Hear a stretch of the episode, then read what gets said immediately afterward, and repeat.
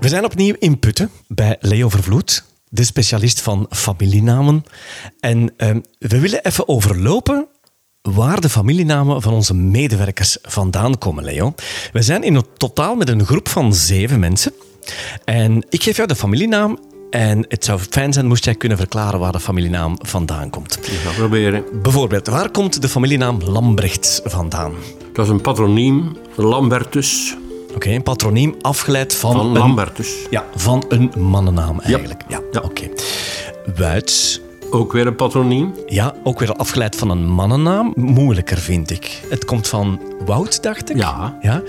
En uiteindelijk kan ik het wel vatten, maar dat Wout uiteindelijk Wouts, Wuits wordt, vind ik een moeilijke. De invloed van dialecten op familienamen is heel belangrijk. Bijvoorbeeld Verhagen of Van der Hagen. Een West-Vlaming is Van der Hagen en iemand uit het Antwerpse is een Verhagen. Maar als ik dan terugdenk aan wat jij mij vertelde, dat heel lang geleden de priester het moest noteren, hoe dat hij het hoorde, dan is Wout en Wuits, dan ligt dat niet zo heel ver uit elkaar. We vergeten soms wat het in het Midden-Nederlands was. En de ui, ligt die bij de, bij de au in ons Oud-Nederlands? Of ligt dat toch ver uit elkaar? Wouts, wuits, Maar wat zeggen we in het dialect? Wuts. wuts. Me- Dan is het eigenlijk een, een EU-ui op dat moment dan, hè? In het dialect is het Wuts. De volgende, Van Dijk. Ja, dat is een waternaam, hè. Zoals er meer zijn, hè. Wat bedoel je met een waternaam? Wa- van de Vijver, Van Dijk, Vervloed. Eh, uw naam.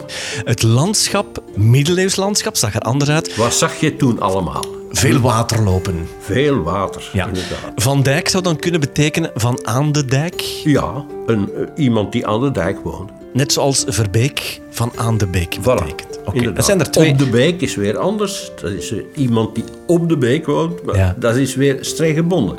Hoe spreekt men het uit? Ja, waternamen. Misschien iets moeilijker, Tielemans. Dat is inderdaad moeilijker. Eh, ik ben aan het denken. Je dacht eerst dat het een patroniem zou zijn. Je hebt hier fantastisch dikke boeken bij de hand. En het verbaast mij dat er zoveel familienamen in slechts twee dikke boeken geraken.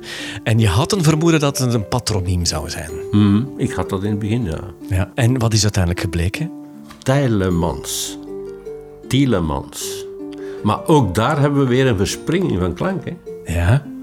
Waarom zeggen ze nu ineens tegen tijl, tiel? In Vlaanderen zullen ze geen tijl zeggen. Dan zullen ze wel tiel zeggen. Dus degene die de eerste keer die naam aangenomen heeft of gekregen heeft van namen die, die neem je niet aan, die krijg je. En wel, dat zal een man geweest zijn en daarom Tielemans. Alleen het eigenaardige is wel dat er geen tiele vrouwen zijn.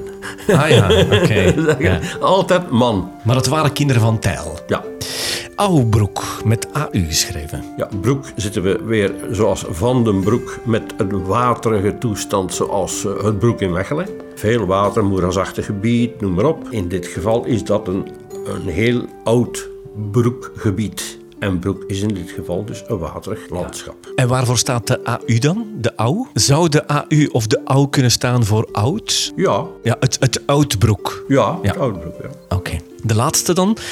Kallaerts. Ehm, iemand die eh, eh, het, het goed kan vertellen, laten we het zo maar zeggen. Eh, in bepaalde streken zal men het over kallen hebben als het over spreken hebben. Heeft dat iets te maken met raaskallen? Eh, Wel, daar zit het ook in. Dus kallaerts, eh, van het eh, woord kallen, praten, babbelen. Ja. En daar de S achteraan, Ja. zoon of dochter van. ja. Die S is altijd zoon, des zoon. Zoals in IJsland SON achter de familienamen staat. Zoon van, hè? Ja. Ja, ja. Dat was zeer boeiend, Leo. Wij danken u daar allemaal voor. En wij hopen dat we u nog eens mogen terugbellen als iemand anders een vraag heeft over zijn familienaam. Ja, absoluut. absoluut. Eh, bovendien, we hebben daar zeker nog niet alles over gezegd, want er is nog heel veel meer over te zeggen.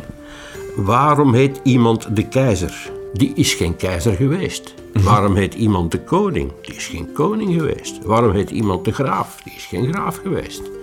Dat zijn allemaal namen, huisnamen, ofwel herbergen of afspanningen, waar een uithangbord in, in den koning, in den graaf. En die naam hebben ze dan maar aangenomen.